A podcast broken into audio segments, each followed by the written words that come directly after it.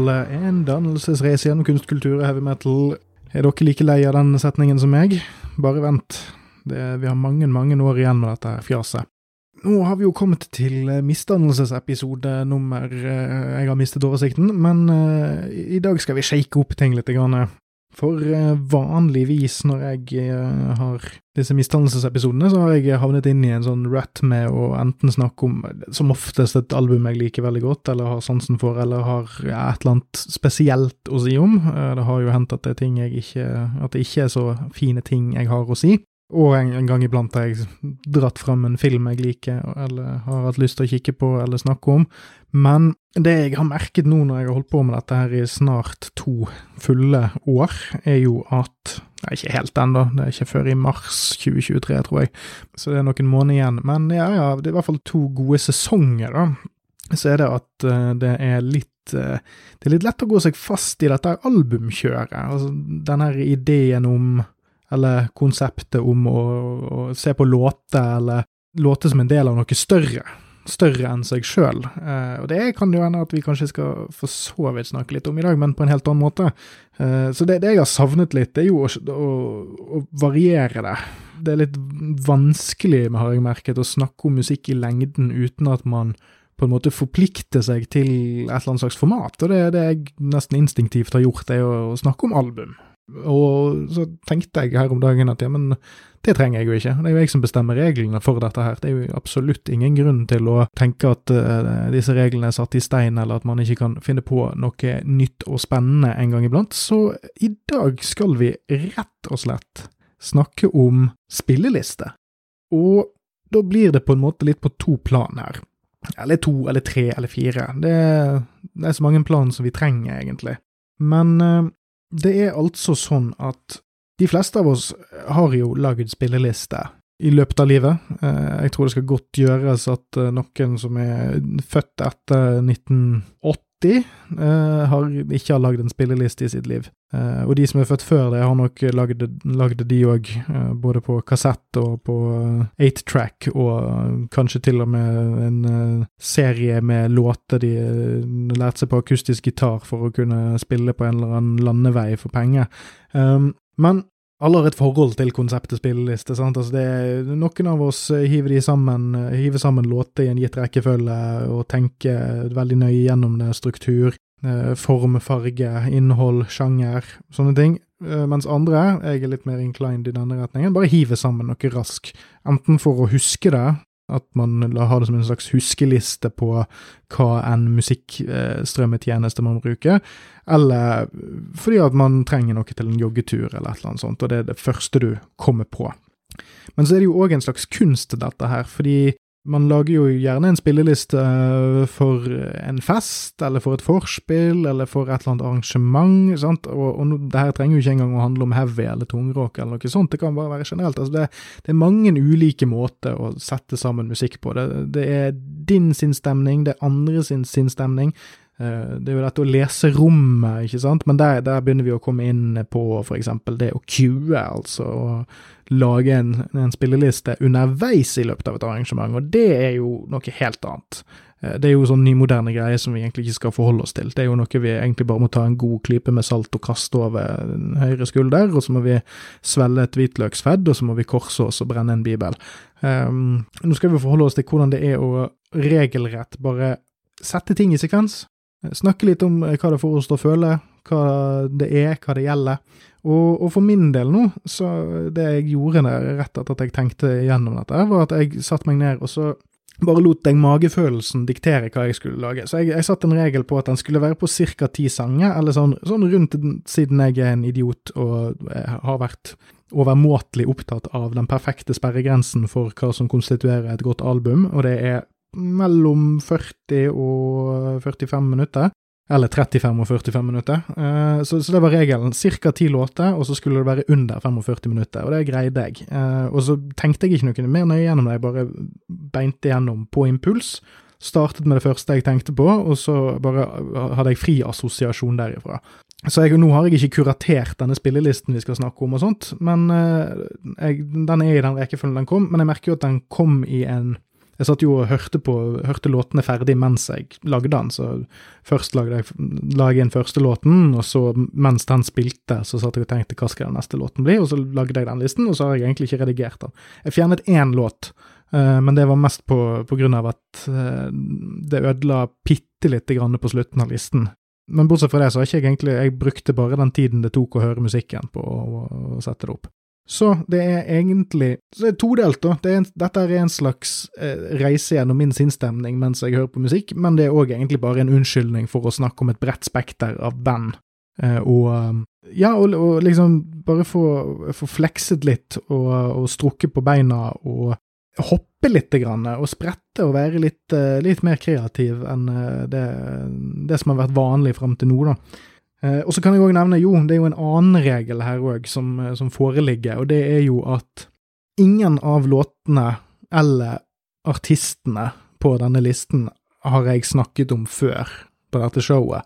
Så alt er helt ferskt sånn sett. Det er jo Jeg har kanskje nevnt noen av de i forbifarten, men jeg har aldri snakket om de eller hatt en episode om de eller sånt uh, i den leien.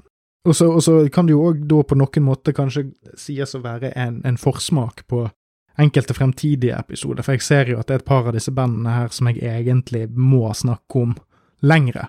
Uh, spesielt uh, kanskje den siste på listen, og jeg har lyst til å snakke om, uh, men det får fremtiden vise. Så kan jeg si her før vi går i gang at det er sånn at uh, Jeg skjønner at uh, det er ikke alle som bruker Spotify, men uh, de av dere som ikke gjør det, dere kan jo bare høre Sjekke på deres hva en tjeneste dere bruker, om dere har dette tilgjengelig, YouTube eller whatever. Men for de av dere som bruker Spotify, så vil det ligge en lenke i beskrivelsen til denne episoden, som går til ja, den direkte lenke der, der dere får det i, i rekkefølge og hele pakken. Så bare eh, trykk og lik og, og ha det koselig der nede, i beskrivelsen. Nei, men da går vi bare i gang. Um, låt nummer én, det er en pussig liten låt. Nå skal jeg fortelle dere en liten uh, litt kontekst her. For dette er ikke et band jeg noensinne ville ha hørt om eller gravd opp, hvis det ikke var for den veldig, veldig Ja, for at algoritmen for en gangs skyld serverte meg noe jeg ville ha, da. Um, I sommer så jeg, kjørte jeg leiebil, og så spilte jeg av uh, noen album på Spotify, uh, og det er den eneste gangen jeg egentlig har Da, da kjedet jeg meg litt. Jeg, jeg, var litt sånn trøtt og sliten, så jeg orket ikke å tenke på hva musikk jeg ville ha engang. Sånn typisk sånn her 21. århundre, første verdensproblem. Å nei, jeg orker, ikke, jeg orker ikke tenke ut hva jeg har lyst til å høre på. Jeg lar bare, å, jeg lar datamaskinen tenke for meg, og så bare lar jeg det rulle og gå. sant? Eh, men Spotify har fått det for seg at jeg er mye, mye mer glad i hair metal, og, og ikke nødvendigvis god hair metal engang, men, men sånn, sånn puddel-puddelrock. Det, det som The Kids og Forelska i læreren. Altså, det er sånn, sånn skikkelig blodfattig puddelrock. Det har Spotify av en eller annen grunn fått det for seg at jeg uh, liker jeg tror den overtolket det at um, i fjor så lagde jeg en Wasp-episode, og da hørte jeg så mye på Wasp på Spotify at jeg ifølge uh, den her årsrapporten fra Spotify, den her um, nyttårsgreien, sånn dette hadde vært i et år, så var jeg i topp 1% av Wasp sine globale lyttere.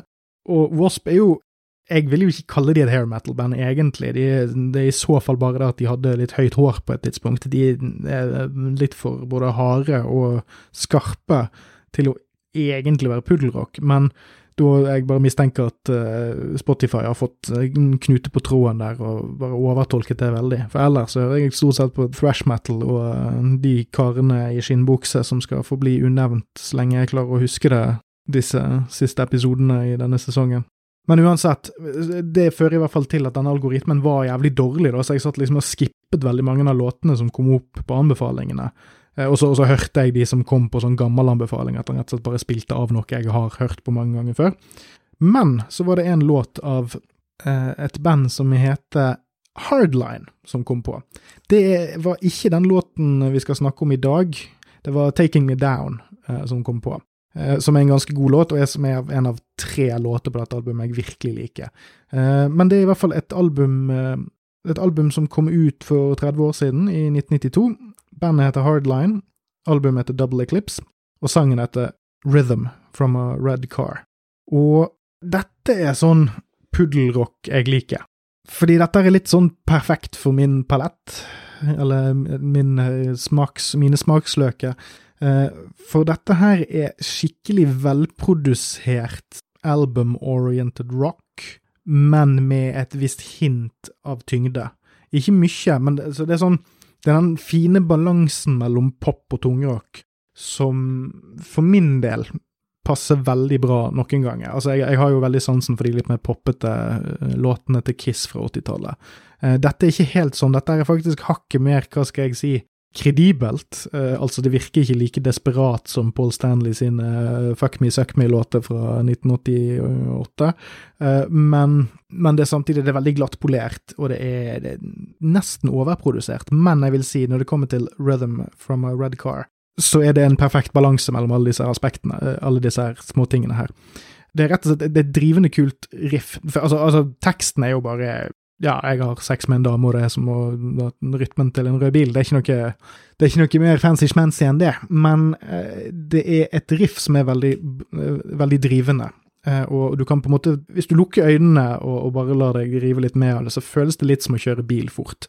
Eh, det, det, er en, det, er en, låt som virkelig passer til det å sitte sånn når solen går ned på sommerstid, og så girer du opp litt, og så kjører du et par hakk mer enn det som står på skiltet, og så bare lener du deg inn i musikken. Det er en sånn låt som dette her. Jeg har hørt eh, samme turen som jeg oppdaget den her, så hørte jeg på den flere ganger i bil og sånt, det er en, det er en bilsang. Og hvis jeg skal beskrive sounden for eh, dere som ikke har hørt det, så det, jeg vil si at det er en, et midtpunkt mellom ACDC og, og Bon Jovi. Eh, vokalen er veldig sånn lys og, og, treffende, men den er ikke den er fremdeles en rockesang. Den er ikke, den er ikke helt over i sånn total megapus-område, eh, men det er òg veldig tydelig kommersiell, en kommersiell låt, et kommersielt album. Eh, og jeg vil òg trekke frem det er en fantastisk bra bassgroove på dette, denne låten her. Det er noe med måten bassen og gitaren ligger og groover, spesielt i refrengene. Og vokalbass og rytmegitar bare smelter sammen i et sånt nanosekunds hook på refrenget, som er litt som en sånn uh, amfetamininnsprøytning i uh, hypofysen det er det der litt sånn magiske øyeblikket der alle elementene faller på plass, og så eh, er det litt vanskelig å si hvorfor det funker. Et fantastisk eksempel på dette er at rett før siste liksom driv med, eh, med refrengrepetisjoner, så, byg, så, bygger soloen seg opp og, eh, gjennom et litt sånn lengre mellomspill, og så er det to sekunder med total stillhet, og så kan du nesten merke hele bandet lene seg litt bakover, og så kicke fram igjen og gå rett inn i refrenget igjen. Og det fungerer hver eneste gang jeg har hørt låten, og jeg vet ikke om jeg klarer å overbevise noen av dere der ute til at dette er en kul låt, men vet, altså, har du litt sansen for sånn radiorock, altså litt, ha, litt hardere radiorock, og med radiorock så mener jeg softere enn ACDC, så gi det en sjanse. Jeg må snakke litt mindre om denne og litt mer om noen andre ting nå med en gang, men eh, det får bare være. Takk for meg. Neste låt er en uh, låt som heter Dry Bones, av et engelsk band som heter Witch Hazel. De er, om jeg ikke tenker helt feil nå, så er de ja, de er definitivt det yngste bandet på hele listen, kanskje med ett unntak, for det er jeg litt usikker på, men de er, de er fryktelig, fryktelig unge sammenlignet med resten av gubbosfæren uh, på denne spillelisten. Hvis jeg skulle beskrevet Witch Hazel, så er det et slags sånn folkemusikk, folkrock-inspirert delvis litt sånn power metal-aktig. En touch av power metal, ikke, ikke mye, men en liten touch, og en, en, et snev av, av kristenrock. Uten at det er nødvendigvis beint ut kristent, men tekstene er ganske kristne. Um, nå, får jeg, nå, får jeg, si det at uh, jeg har bare hørt gjennom de albumene en gang hver runde, og så har jeg notert meg Dry Bones, og den har havnet inn på en egen spilleliste, som jeg òg gjenoppdaget i sommer, faktisk. Jeg hadde helt glemt Dry Bones. Så jeg er ikke noen ekspert på Witch Hazel, jeg vet bare at denne låten er fra tredje albumet som heter Tre, eller Three, Pentecost. Uh, og Pentecost betyr jo pinse. Og, og, Dry Bones er jo Den begynner jo òg litt sånn atmosfærisk uh, intro, og så kommer det et veldig, veldig godt klassisk sånn rock metal-riff eh, som er melodisk og drivende. Og så kommer det inn en lugn og trygg sanger som på en måte bare skaper veldig Det er en komfortsone. Det er litt sånn her eh, Kom her du, gutten min, så skal jeg fortelle deg en historie om uh, folk som gikk i fortapelsen, men så ble født igjen gjennom Jesus. Uh, ikke nødvendigvis ordrett det som er i teksten her, da, men det er liksom den, det er litt den stilen der. En slags, uh, en slags kristen Chad Kroger. Og det som er så stilig, er at han vokalisten i Witch Hazel, du, tro, du, skulle ikke tro det når du hører han i starten, men han har noen Ian Gillen-aktige skrik i repertoaret sitt som er mektig imponerende, eh, som når disse rolige partiene da begynner igjen å kicke opp i, i, en crescendo der han øker sin stemme, stemmebruk i takt med den økende Altså, ja, i takt med den økende takten. Og så kicker dette gamle eh, introriffet tilbake igjen, og og det bygger og bygger og bygger, og så med noen sånne kraftsalver av noen skrik på slutten her. Eh, jeg er ikke en religiøs mann, men det er noen stilige sider med det bandet der, og spesielt den låten, eh, som gjør at jeg får veldig lyst til å anbefale den til folk. Og, og hør i, så vidt jeg husker, så er det albumet der jævla bra òg. Men det er spesielt Jeg tror det jeg liker aller mest, det er, det er en veldig seriøs sang. Den er på en måte litt sånn eller seriøs, men den er, den, den er genuin, eh, det er ordet jeg leter etter. En genuin låt.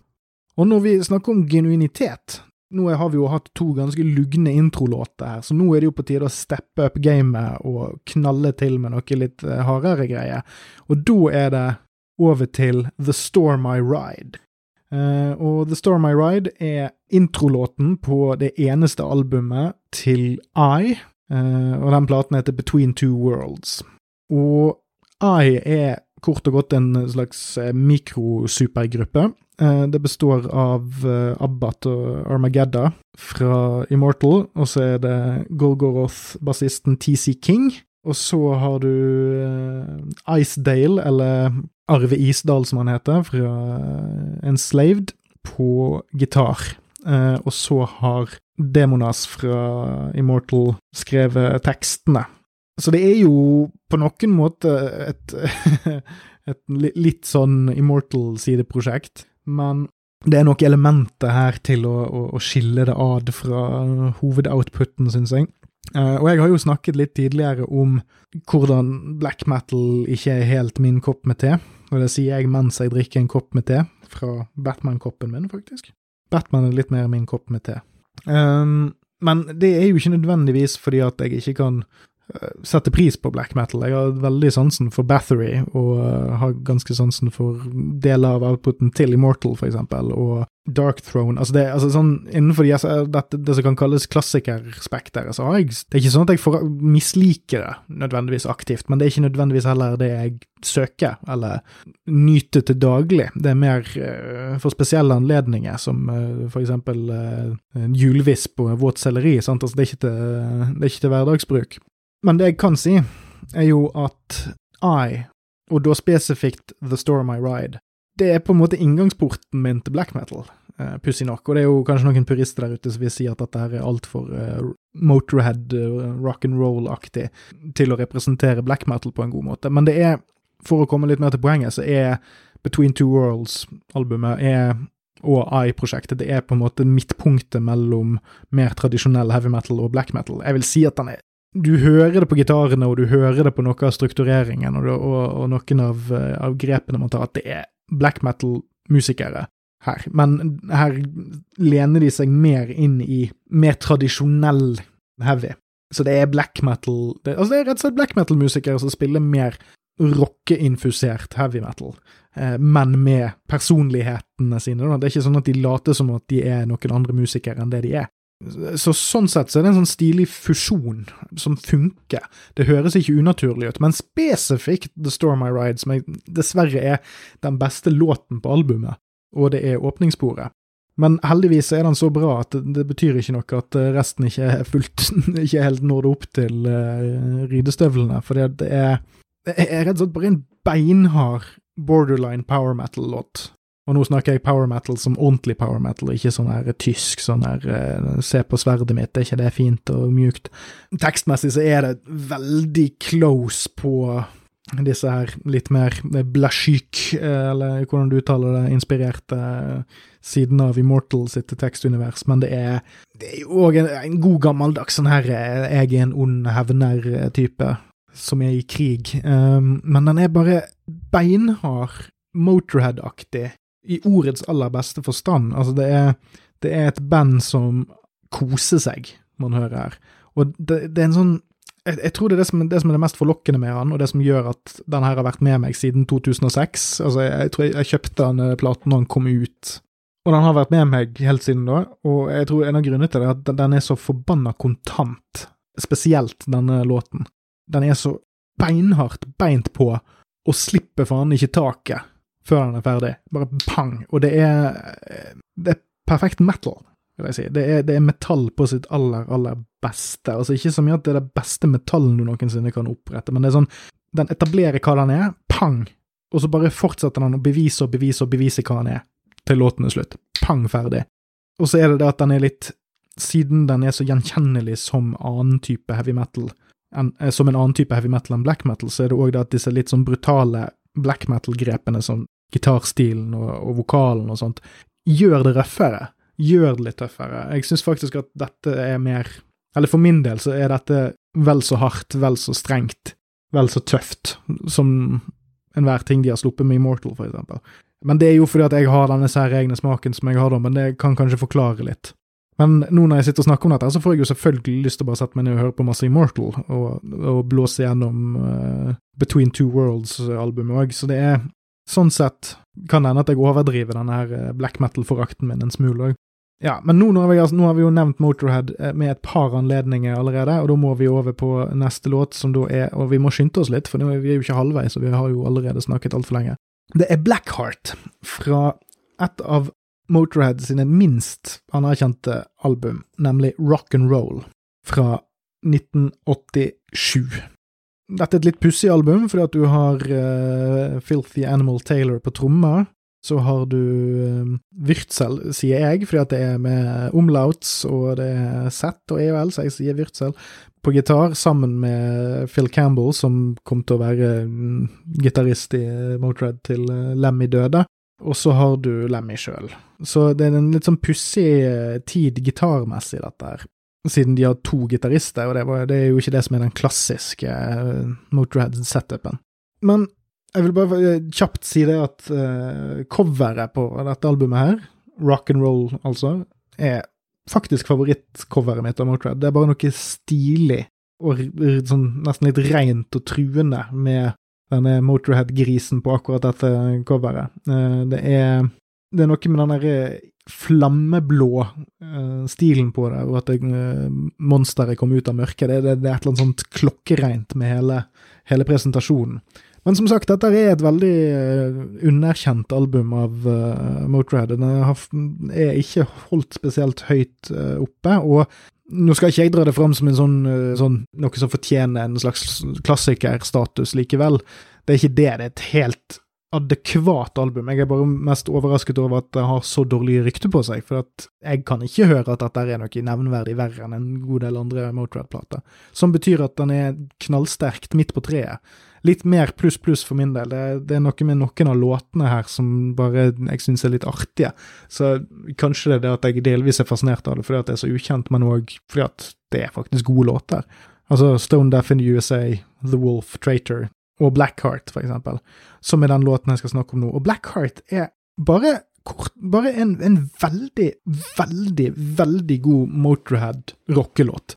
Det som er grunnen til at jeg tar den med her, er at jeg tror at det som skorter på denne for at den skulle blitt en, en Motorhead-klassiker, er at refrenget er ikke så veldig bra. For det er bare Lemmy som synger 'Blackheart', og så med et par linjer 'Blackheart', og så et par linjer. Det, det, er, ikke, det er ikke noe schwung over refrenget, mens alt det andre er drittøft. Den har et, et kontant rockeriff som driver hele jævla låten. Litt på samme måte som The Storm I Ride. Det eneste forskjellen er at dette er en litt svakere låt enn uh, The Storm I Ride, fordi at på grunn av at refrenget ikke sitter helt, så, så misser det litt. Uh, den mister litt, uh, den mister litt momentum underveis, dessverre, men det er en knallsterk Motorhead-låt på alle versene, og det, det er, det er, langt ifra alle låter som er knallsterke på versene, for veldig ofte så driver man og prioriterer og, og får fokus på sang og på, på, bare å holde en rytme, sant? og så sparer man på hooken til, eh, til refrenget, sant? men her er det bare et knallbra riff og kjempegod sånn Denne bjeffesyngingen til Lemmy er i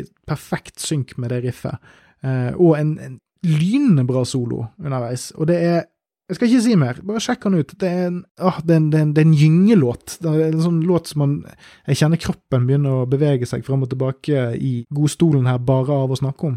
Ok, men nå har vi girt opp eh, hardheten til, eh, til 11 fra I til Motorhead, og nå til det tyske bandet Debauchery. De er litt som Gore og Lordy, de har sånne monsterkostymer som de spiller i, som sikkert er utrolig ubehagelig å gå i. Og så baserer de en del av musikken sin på Warhammer 40,000, eller 40K, som er et sånt nerdespill som jeg ikke kan så veldig mye om, men de har en del greier gående med blodgude og, og litt sånn, så det er Hvis du tok Hvis et dødsmetallband bestemte seg for å spille Danzig, tidlig Danzig, så tror jeg du ville fått noe som ligner litt på Debauchery. Men den låten jeg har med her, det er en låt fra albumet Kings of Carnage, Tittelkuttet er òg veldig bra, altså, men dette var den første låten jeg hørte av det. Og det er veldig vanskelig å beskrive hvordan Debauchery høres ut, men det er, for å si det sånn, tekstene og, og syngingen man skulle trodd at det ikke passet inn med hvordan musikken høres ut, for musikken er Det er litt mer klassisk rock, faktisk. Det er, det er sånn twang-gitar, nesten. Altså at det er, det er, det er veldig rockete og nesten Ja, og det er derfor denne Danzig-sammenligningen kom inn, at det er veldig det er ikke så mye føss som du skulle trodd, og det er ikke så aggressivt i gitaren. Det er mest egentlig bare en jævlig god, ja, gode riff og god, god rytme, og ikke, ikke, spesielt brutalt. Men så er syngingen dritbrutal. Og jeg er vanligvis ikke så veldig glad i growling, men dette er en sånn stilig Altså, han growler som bare faen, og så noen ganger så går han opp i en sånn her eh, high pitch dødsmetallvokal. Og det er bare et eller annet med disse her uforenlige elementene som på et eller annet slags vis fungerer jævlig bra. Og så vil jeg veldig gjerne bare få dele litt. Grann. Det er jo ikke et veldig seriøst band, dette her. Det, altså, musikken er jo seriøs nok, altså stilig. Er ikke, den er ikke så klovnete. Hvis du ikke hører etter på tekstene, så er det ganske hardt og jævlig. Men eh, åpningen er jo at uh, han bare brøler I am the blood god, welcome to my world. Men så er det første verset er I will cut your flesh, I will rip your ass, I will stab your belly, reduce your bowels to jelly. Og man kan jo ikke gjøre annet enn å komme i godstemning av den slags type lyrikk. Dette er jo et dikt som jeg skulle ønske jeg kunne fremført på den borgerlige konfirmasjonen min. Men uansett, sjekk ut Debauchery. Eh, det det er herlig aggressivt på en veldig lite pretensiøs måte, jeg ville råde til å rote litt rundt. Jeg har prøvd å høre ferdig album av de, og det går ikke alltid like bra. For at man når et metningspunkt, eller for meg når det et metningspunkt, og jeg vet ikke om, om jeg klarer å, å, anbefale å sitte og høre sånn ti låter på rad av de, men å, å finne seg noen man liker, og, og putte de inn i en god spilleliste, så tror jeg det kan være noe for uh, jeg, jeg, tror du, eh, Hvis det ikke høres fristende ut, så tror jeg det kan være litt overraskende å høre Blood God Kills et par ganger. Og jeg håper jeg har nevnt navnet Blood God Kills. Det er det den heter, i hvert fall. Så hvis jeg ikke har nevnt det før nå, så heter sangen Blood God Kills. Sjekk ut den. Det kan hende du blir overrasket. Så er vi over på gode, gamle Alice Cooper med Roses on White Lace eh, som er fra en av favorittperiodene mine til eh, Alice Cooper. Det er fra Raise Your Fist and Yell fra 1987, som er midt mellom Constrictor fra 1986 og Trash fra 1989. Uh, og de tre der utgjør jo på en måte en slags trilogi, uh, der de to første nærmest bare er en sånn crescendo fram til Trash, og er de store arena-rock-platene hans, da. Eh, og så òg i kombo med Hey Stupid, som kom ut i noen og nitti. Og jeg, jeg, har veldig sansen for de, at jeg liker måten Alice Cooper alltid fornyer seg sjøl, men han vet alltid grensen for hvor langt han kan tøye strikken. Så han har på en måte lagd eh, beint fram heavy metal, han har lagd klassisk rock and roll, han har lagd eh, prog-rock, eh, han har lagd eh, industrial metal, altså han er, men han vet, han vet, akkurat hvor han skal posisjonere seg med sin karakter og, og sitt eh, tekstunivers og sånn, eh, og, og har, han har på en måte aldri stått i ro. Og jeg må bare si sånn for øvrig at uh, før noen kommer og kaller meg en jævla posør for at jeg uh, er glad i de mest kommersielle albumene hans, så må jeg jo bare si det at uh, favorittalbumet mitt av han er Special Forces, så bare suck it. Hør Special Forces, forresten. Det er en kokaininfusert kaoshelvete, men det er fantastisk gøy å høre på. Men Roses and White Lace er den siste låten på Raise Your Fist and Yell. Og jeg var så heldig at jeg fikk se den bli spilt live nå når Alice Cooper var i Oslo nå i 2022. Uh, som var helt konge, for de har ikke spilt noe fra denne platen siden turneen var over i 87-88. Uh, men de spilte den live, og den var jævlig rå. Uh, og, og, det som er så tøft med denne låten, er at den er den er veldig tidstypisk. Det, det er masse sånne, sånne sen 80-talls studioeffekter med, med litt sånn ekko og noe litt sånn filtrering på stemmen for ja, sånn Litt sånn, om ikke digitalt, ja, kanskje digitalt, litt sånn Her har vi tweaket litt og, og lagt på noe greier, og det er stort og det er grandiost, men det er òg det er òg en heavy metal-låt, vil jeg si. Og det, det, er jo en sang som Ja, altså det handler rett og slett bare om en, en fyr som dreper en brud på bryllupsnatten, og så er det skrevet som en, en kjærlighetssang men det er ganske åpenbart hva som har skjedd. og, og det, er, det, er, denne her klassiske Alice Cooper-måten med å, å, få deg til å åpne to deler av hjernen din samtidig. Du kan på den ene siden se for deg noen som er veldig kjærlig og, og omtenksom, men så kan du òg forestille deg eh, drapsmenn, og så plutselig så puttes de to inn samme sted, og så får du et ubehag med det, samtidig som musikken er drivende. Det er liksom denne store 80-tallsproduksjonen. Eh, veldig tøft riff. Kane Roberts er dritkul på denne, denne låten. Eh, det er òg noen litt sånn her hjemsøkende anslag på starten av eh, versene. En litt sånn angstfremkallende, men òg drittøff, riffbasert kongelåt.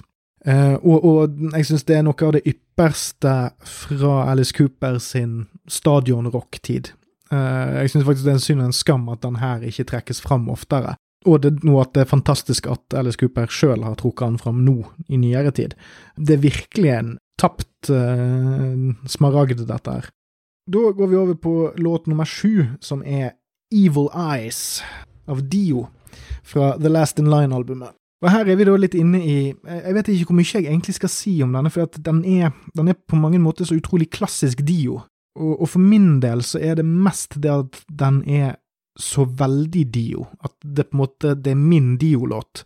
Uh, for den kommer fra Altså, det er, det er, åpnings, altså det er åpningssporet på side to fra albumet Last In Line, The Last In Line, som er oppfølgeralbumet til Holy Diver, så det er jo tidlig prime Dio, dette her, solo. Men, men, Evil Eyes, det som er så Et par elementer jeg liker ekstremt godt der. Det ene er at det er, det er dette her eh, De jo hadde en, en, en, tendens til å skrive og snakke veldig mye om hans sånn katolske, europeiske folketroarv som han fikk fra bestemoren sin og sånn. Altså, han fortalte at uh, det der djevelsymbolet som uh, han påsto at han populariserte, er jo egentlig noe som bestemoren hans gjorde mot folk på gaten, fordi det var en måte å enten gi noen det onde øyet, eller å beskytte seg for det onde øyet. Sånn sett så er det Det knytter seg inn mot Dio som, som uh, kunstner generelt, men det er òg Det er bare en veldig primet og stilig uh, låt, med fantastisk refreng, ikke minst. Det er når Dio legger seg med den der fløyelsmyke, men kraftfulle stemmen sin og sier I got evil eyes, eh, så er det gåsehudfremkallende. Eh, og så er det òg fantastisk eh, stilig bruk av orgel her, altså sånn bedehusorgel, Hammond-orgel, eh, pumpeorgel, som ligger og, og, har sånne triller under refrengene og sånt, og er vel noe, noe av det siste man hører på slutten. Eh, veldig stilig bass. Og jeg vil bare dra fram en tekstbit her.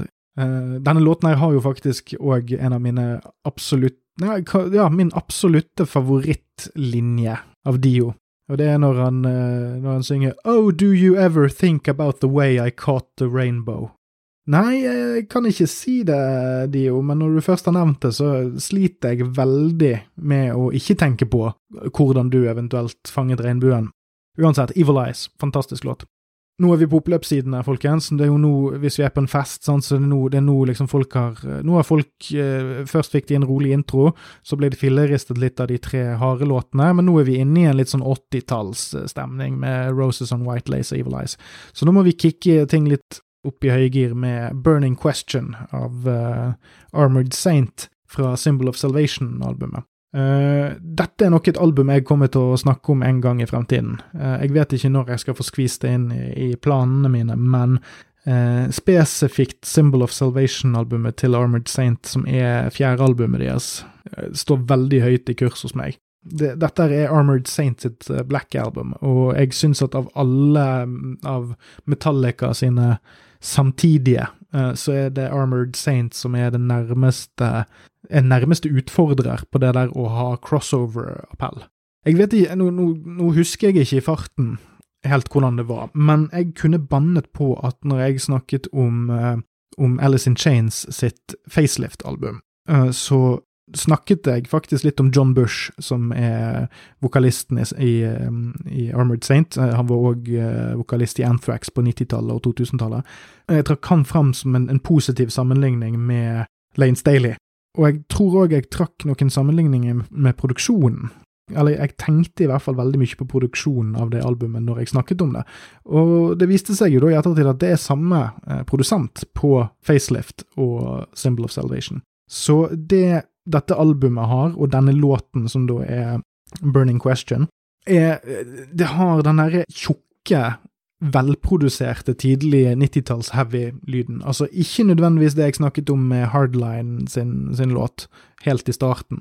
Det er nærheten av overprodusert, altså det er for glatt, eller det, det er veldig sånn sleipt. Men, mens dette her er sånn produksjon som, som ligger Du kan på en måte du kjenner at bassen graver seg ned i jorden og treffer eh, grunnfjellet under deg. Den typen produksjon. Alle elementene er klokkereine, men de krangler ikke med hverandre ting er skarpt og hardt, men eh, det er ikke lofi. På dette albumet her så er det egentlig de tre første jeg har hørt aller mest på. Tre første låtene som er Rain of Fire, Dropping Like Flies og Last Train Home. Men jeg har òg hørt en del på albumet i sin helhet, og det som til stadighet overrasker meg, er at det er ganske Jeg syns det er ganske likt uh, The Black Album, i den forstand at hvis du ikke har hørt det i stykket, som mange har gjort med The Black Album, så er det det at det er det er alltid tilgjeng en, en, tilgjengelig låt rundt neste sving, en, en tøff låt, en stilig låt. Og dette er jo selvfølgelig et, da et mer kommersielt album enn de foregående albumene til uh, Armored Saint, men er likevel tøft. Og jeg la til Burning Question her, egentlig fordi at det er det var den låten som kom til meg først når jeg lagde spillelisten. Uh, det er masse annet der. altså Egentlig så er det kanskje ikke engang favoritten min fra albumet, men det er favoritten min akkurat nå. Hør spesielt på stemmen til John Bush på refrengene her. John Bush er en av de desidert beste heavy metal-vokalistene gjennom tidene. Uh, han har bare ikke vært med i band som har vært store nok til å bli lagt merke til på den måten der. Uh, han er en, en hedersmann. Han synger så inn i helvete tøft. Det er denne nydelige mellomtingen mellom aggresjon og smerte som han fanger så utrolig godt, og som det, det, det er så pussig at Anthrax ville ha han inn til å erstatte Joey Belladonna, fordi at når man hører han synge på eksempel Burning Question, så ville man hørt at de burde lagd helt andre plater med han i Anthrax. Eh, han har helt andre styrke enn det de prøvde å få ut av han der på 90-tallet. Men sjekk ut Burning Question, og sjekk ut egentlig hele, hele Symbol of Salvation òg. Og nå kommer vi over til noe pussig her. Nå har vi kommet til Running Wild med The Hussar fra albumet Victory. Og det er nok noen folk der ute som vil stille spørsmål med hva i alle dager, hvorfor tar du et Running Wild-album fra år 2000? Jo, det er fordi at jeg er en uh, mann med spesielle behov, og uh, nå skal jeg forklare hvorfor. Running Wild er et band som er Hva om Kaptein Sabeltann flyttet til Tyskland for å fronte et Iron Maiden-coverband? Så er det Running Wild. Eh, de har holdt på ganske lenge, de er siden starten av 80-tallet. Uh, I starten så var de faktisk mer proto-black metal enn en ikke, men så lagde de et album som het Under Jolly Roger, der de sang med litt sånn sjørøvertema.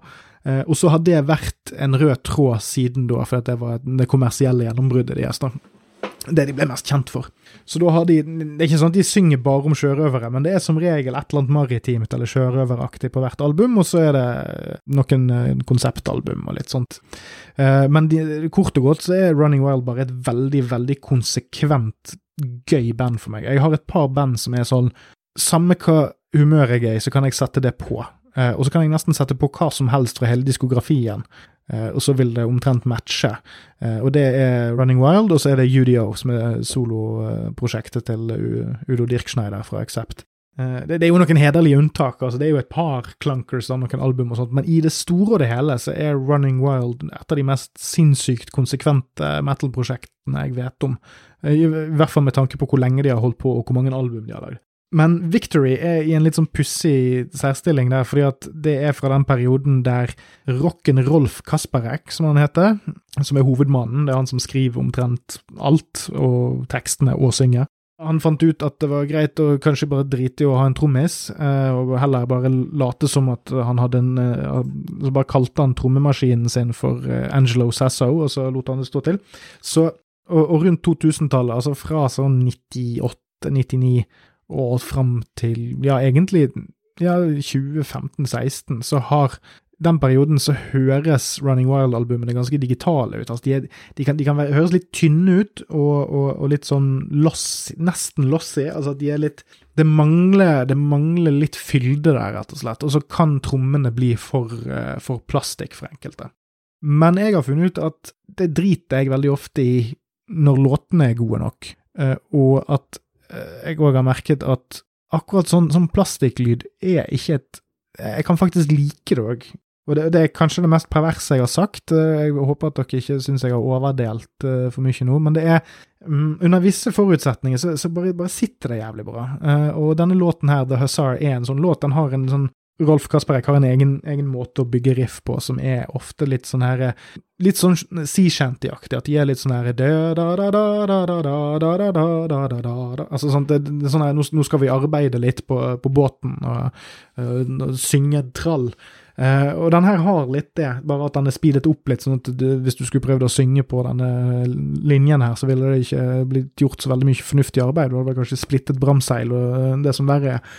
Men det er òg at, at Rolf han er jo heller ikke en av våre store sangere, men han vet akkurat uh, hvor han skal legge seg i registeret sitt uh, i forhold til musikken og sånt. Det er et veldig godt eksempel på at det, det, er, ikke, det er ikke instrumentet, men hvordan du bruker det, uh, som avgjør hvor tøft det blir. Og, og, The Hussar er en sånn type låt som, som jeg, jeg syns bare svinger fra start til slutt, og er faktisk òg når man kommer inn på, på versene og sånn, så er det en litt sånn suggerende driv i vokalen, uh, og, og måten vokallinjen er lagt opp på. Eh, så hvis du ikke har hørt på Running Wild generelt, så jeg vet ikke om dette her er et bra sted å starte, men jeg syns det er en kul låt eh, fra et album som er litt glemt. Og fra dette albumet så er det gjerne tittelsporet som eh, folk liker aller best. Men, men vet du hva, ta, ta og sjekk det ut. Jeg syns faktisk at den perioden her, slutten av 90-tallet til Running Wild, er ganske bra. Til tross for hva enkelte purister der ute vil ha deg til å tro. Så se, se på dette som, som min brannfakkel inn i 80-tallspuristfabrikken. Og da har vi kommet til siste låt, mine damer og herrer, som er Hello From The Gutter av Overkill fra tredje albumet Under The Influence.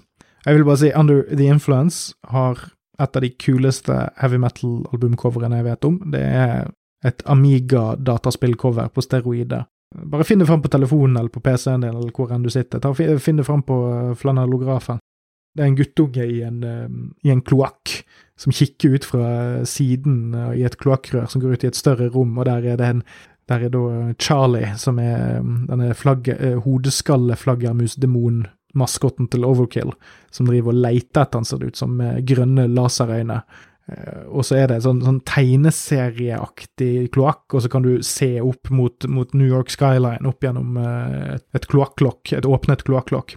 Og som en sånn unge som vokste opp med Ninja Turtles og Amiga-dataspill og, og sånn tidlig hjemme-PC-gaming og sånt, så, så, er det bildet der er bare så klokkereint cover art fra den perioden der. Jeg har ikke vokst opp på den måten med dette albumcoveret, men jeg blir nostalgisk av å se på det. Uh, men dette er jo siste låt, uh, og jeg vil gjerne avslutte med noe litt meningsfullt, noe som betyr noe, noe som er litt tøft og stilig. Og det er jo at uh, Overkill er faktisk på en knallsterk andreplass over favorittband. og noe av grunnen til det Det er mange grunner til det. For det første så er det jo det at de er knallgode. Nå snakker jeg meg litt vekk fra det jeg skulle si, men jeg skal bare forklare hvorfor jeg avslutter med akkurat Overkill og hvorfor de er viktige for meg. Altså, musikken er knallsterk, og den er dritbra generelt, og, og for mange så vil det være de fire-fem første albumene og Spesielt de fire første med Bobby Gustafson på gitar er vel det som er det aller Det som er holdt høyest for puristene. Eh, mens jeg, jeg eh, Favorittbandet for min del handler ofte om at jeg, jeg må kunne like det må, det må appellere noe videre enn bare en liten, kort periode. Det må være en, en karriere, på en måte. Eh, og Overkill er et av de um, bandene. De har holdt på siden 1980, altså eldre enn Metallica. De er et amerikansk thrash metal-band. De er fra østkysten, så de er ikke et vestkystband, sånn som, uh, sånn som flere av de fire store er. Ikke Anthrax da de var østkyst, men Overkill er på en måte rett under Testament i, i liksom det sekundære markedet for amerikansk thrash, eh, men de har holdt på hele tiden. De har aldri stoppet. De har sluppet sinnssykt mange album. Eh, de har sluppet 19 studioalbum fra 1985 og frem til i dag, og de har aldri slått igjennom eller vært i nærheten av å slå igjennom. De har alltid lagt og vaket mellom undergrunn og, og det som var i tiden. Altså, De hadde et, et kort vindu på slutten av 80-tallet der de uh, lekte med de store på Atlantic Records og sånn, men de har aldri vært store, på noe vis. De har bare vært veldig gode i, i sin gruppe, i sin vektklasse. Og at de bare aldri har sluttet. De lever av musikken, men det er fordi at de jobber hardt. altså De lager album, de turnerer beinhardt uh, og, og, har en god syklus gående. Og gjennom den arbeidsmoralen der, så har de sluppet jevnt og trutt med medium til sterke album. Det er ikke sånn at jeg skal sitte her og si at alt de har lagd er knallbra, men på hvert jævla album så er det knallsterke låter som jeg, jeg syns er ekstremt tøffe, og så er det i periodevis så har de sånn to-tre album på rad som er knallsterke, eller har, har en greiegående, en stemning, en, en tone. Så, så, det er derfor jeg elsker Overkill. De er på en måte så kompromissløse bare i å, å, ville leve av musikken, at det er inspirerende.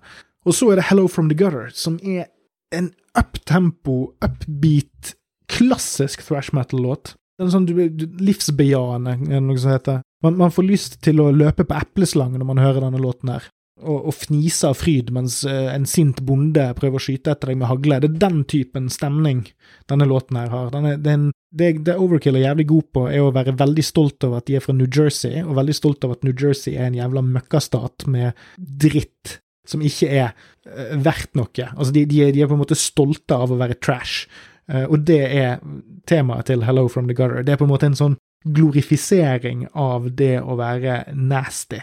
Og den attituden er det er heavy metal for min del. Det er thrash metal. Det er den herre fuck verden, jeg er stolt av å være en trash goblin-innstillingen som bare er utrolig smittende. Og så er det Dette er en sånn Det er fantastisk chugging, det er fantastisk solospilling, det er eh, fantastisk synging, ikke minst. Altså, eh, Bobby Blitz er jo en eh, er jo en acquired taste, har jeg skjønt, eh, som vokalist. Eh, dette er nok den perioden der han synger mer normalt. Han blir mer nasal og screechy og skrikete etter hvert som årene går. Så jeg, jeg tror ikke den her er for alle. Eh, men jeg tenker at det òg er den som skiller at, at, den forskjellen mellom folk som takler Bobby Blitz og de som ikke er det, er det som skiller mennene fra guttene og kvinnene fra jentene, og de ikke-binære fra de binære. For det, det, må jeg faktisk si, når jeg nå holder på å runde av her, at takler du ikke Bobby Blitz, så tror jeg du bør ta og revurdere ditt forhold til uh, god musikk, egentlig. Uh, og Det sier jeg litt sånn halvveis spøkefullt, men det er òg det at det er Jeg har nevnt det før, men det er noe med eh, at god heavy skal være litt frastøtende på et eller annet slags vis. Det skal være noe litt sånn at dette er for de spesielt interesserte, dette er for de innvidde, og Overkill er et sånt band. Um, det er noe med stilen til Overkill, og noe med bare hvem de er, som, som gir deg en, en, en, nøkkel, en innfallsport, til, til, en måte å nyte musikk på, som jeg syns oppsummerer heavy metal som konsept. Uansett, veldig varmt anbefalt album, men spesielt denne låten. Oracle er veldig god på å en gang iblant skrive 'Vi er skitne neandertalere'-anthems, og dette er en av de store, syns jeg. Fjo, da håper jeg at uh, denne spesialtulletøyse-fjase-episoden, eller hva nå enn det ble, funket like bra for dere som det gjorde for meg. Jeg er i hvert fall drittrøtt av å ha måkt gjennom alle disse låtene, men det var òg deilig å få flekset litt på musklene og uh, tenke litt høyt. Uh, det er jo flere av disse låtene som jeg egentlig aldri har satt meg ned og reflektert over hvorfor jeg liker. Det der å, å grave litt i egen hjerne for å, for å se hva man finner, det er jo både terapeutisk, men det er jo òg uh, artig, fordi man tar seg plutselig i å forstå seg sjøl litt bedre enn det man kanskje har lyst til. Men uansett, jeg håper det satt bra. Som sagt, kanskje noen av disse dukker opp igjen seinere. Vi snakkes uansett til neste uke, der jeg eh, kanskje skal ha en gjest, eller dersom det ikke går, så skal jeg sitte her og snakke med meg sjøl, men jeg tar av og på en bart eh, mens jeg veksler mellom stemmene, sånn at dere skal kunne se hvem som snakker. Dere kommer ikke til å merke forskjell. Uansett, takk for meg. Hør på Overkill.